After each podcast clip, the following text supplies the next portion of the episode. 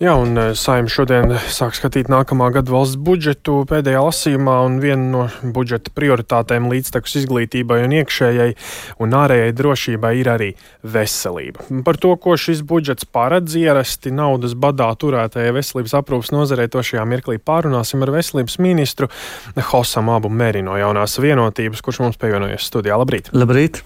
Uh, Šobrīd finanšu ministrs un veselības ministrs ir no vienas partijas, un eh, to kā tādu iespējamo labumu nozares finansējumu celšanai savulaik eh, uzsvēra jūs priekšgājēji Līga Mendelsone. Kā jūs redzat, vai šī te, nu, sadarbība, ka nu, ir veselības ministrs un finanšu ministrs no vienas partijas, vai tas ir devis kādu labumu? Eh, es domāju, ka noteikti ir labāk, kad gan veselības, gan finanšu ministri ir no viena partija, jo tomēr tā sadarbība ir ciešāka. Eh, visticamāk, arī veselības ministrs šajā gadījumā nedaudz jūtas kaut kādā.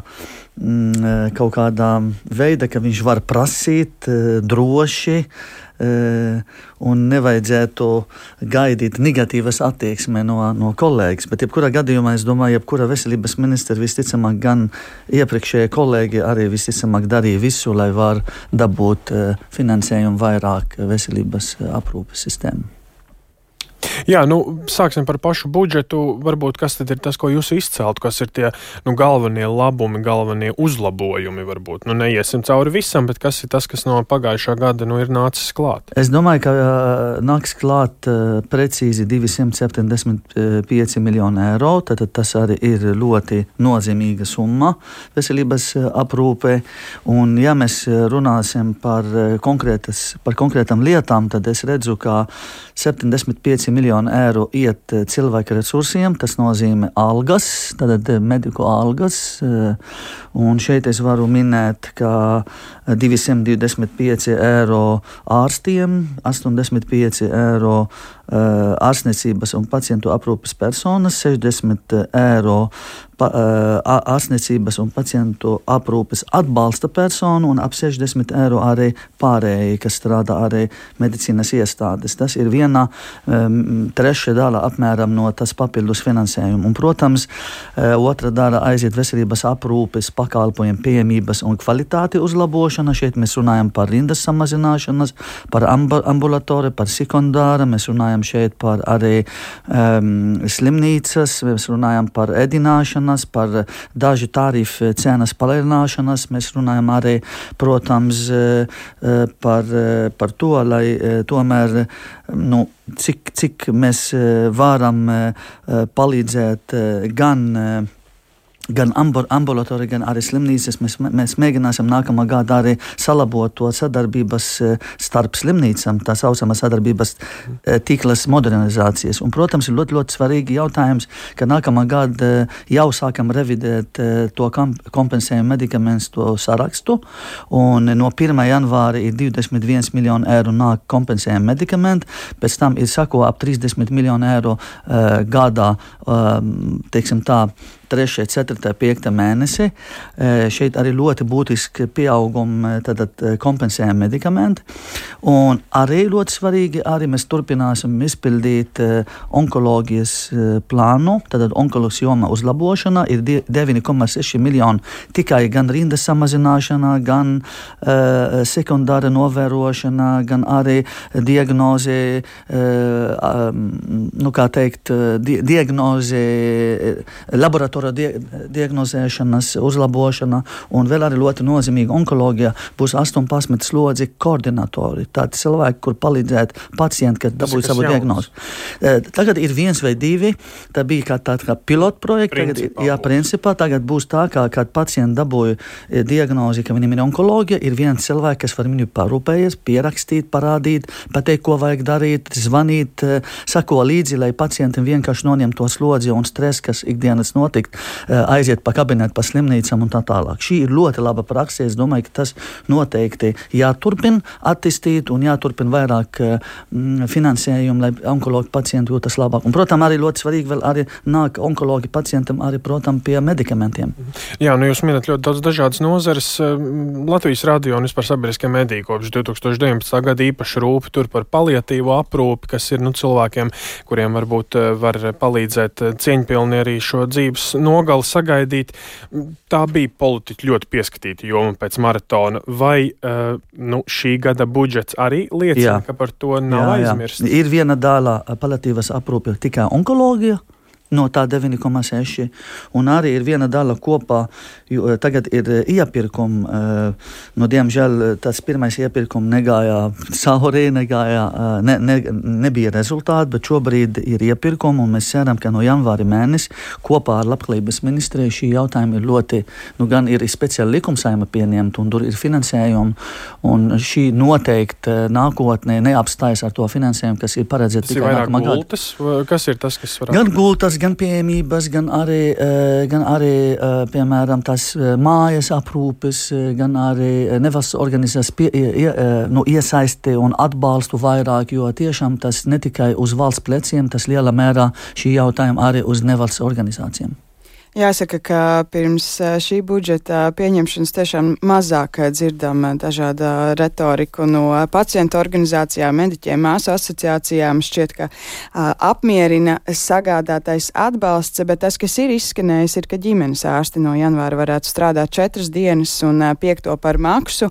Kā jūs šo gatavojaties risināt? Uh, mēs jau vakar parakstīju rīkojumus, tika izveidota uh, rīcību operatīva grupa, kur ir iesaistīti visi speciālisti, eksperti un ģimenes ārsts pārstāvi, uh, jo budžeta ir rezervēta papildus naudas ģimenes ārstiem vispār primārā aprūpe ap 17 miljonu eiro kas varētu uh, sākt apmaksāt, sakot, ar mārta vai aprīli.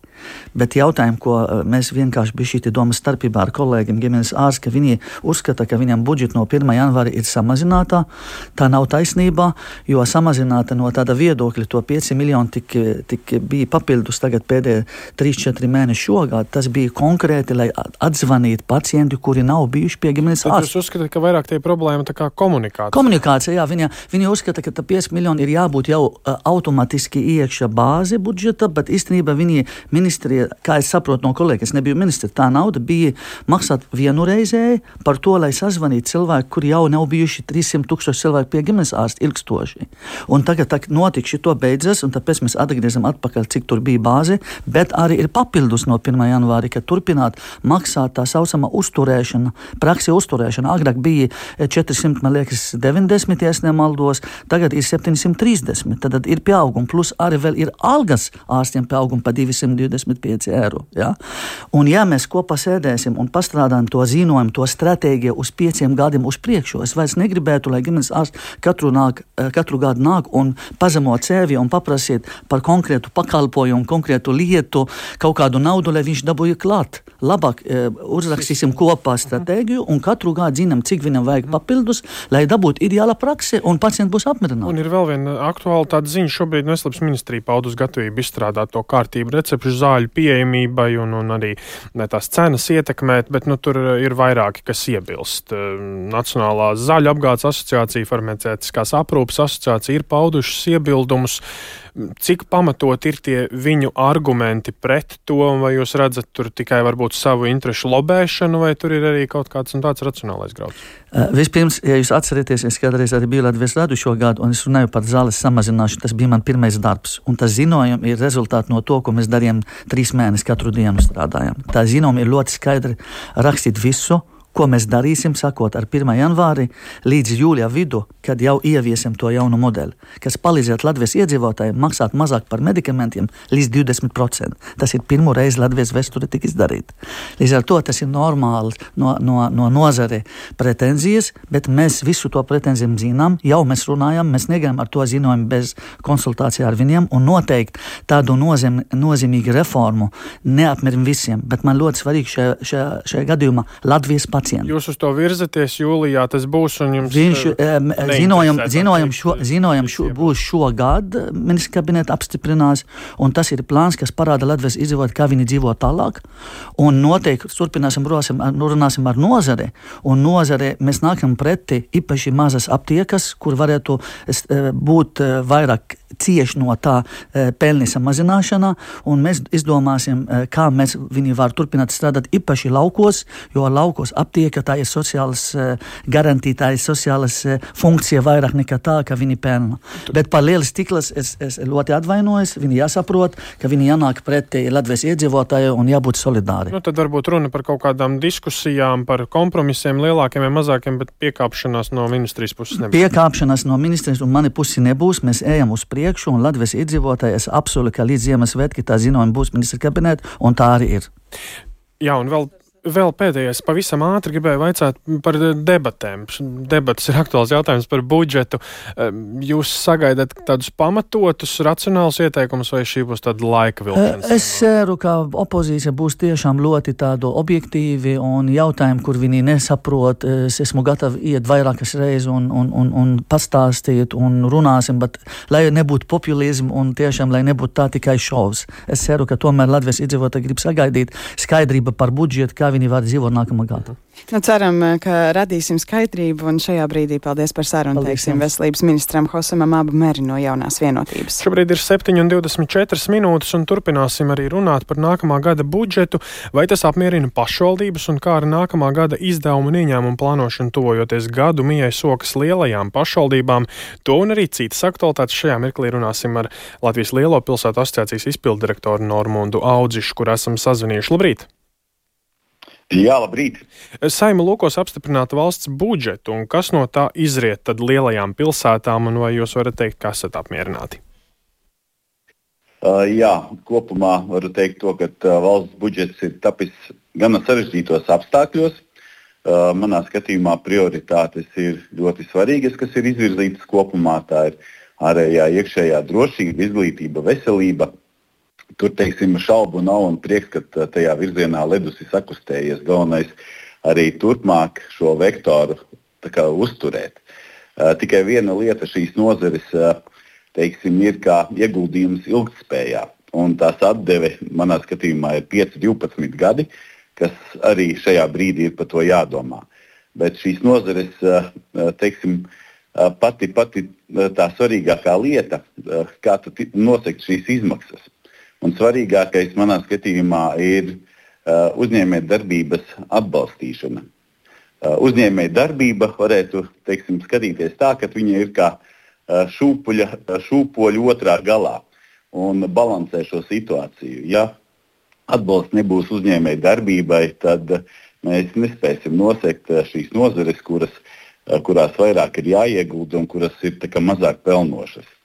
Tā kā kopumā uh, Es domāju, budžets ir gana labs, bet nu, runājot par pašvaldības lietām, tad pašvaldībām šajā vai 24. gadā nebūs viegli laiki. Īsti neizdevās ar finanšu ministriju panākt pietiekamu finansējumu, lai varētu teiksim, reģionu lielās pilsētas spēt soli attīstības virzienā. Pašvaldībām šis nu, būs reāli izdzīvošanas laiks.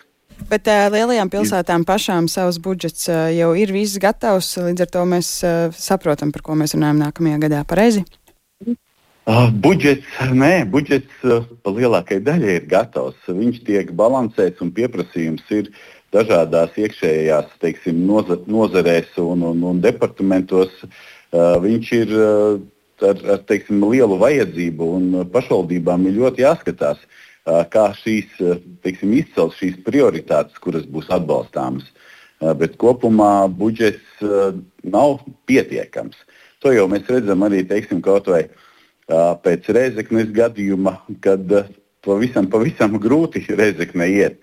Un nebūtu tas nenozīmē, ka uh, viņi ir nodarbojušies ar krāpniecību. Protams, ka to uh, skatīsies kompetentās iestādes, bet kopējā situācija teiksim, pašvaldībām un uh, valsts eh, finansējuma izlīdzināšanā ir eh, ļoti daudz darba jāpieliek. Bet kur ir tas, eh, kur ir tas iztrūkums, no kā var nākties atteikties nākamā gada budžetā un vai kā attīstībai nāksies atvēlēt vairāk naudas?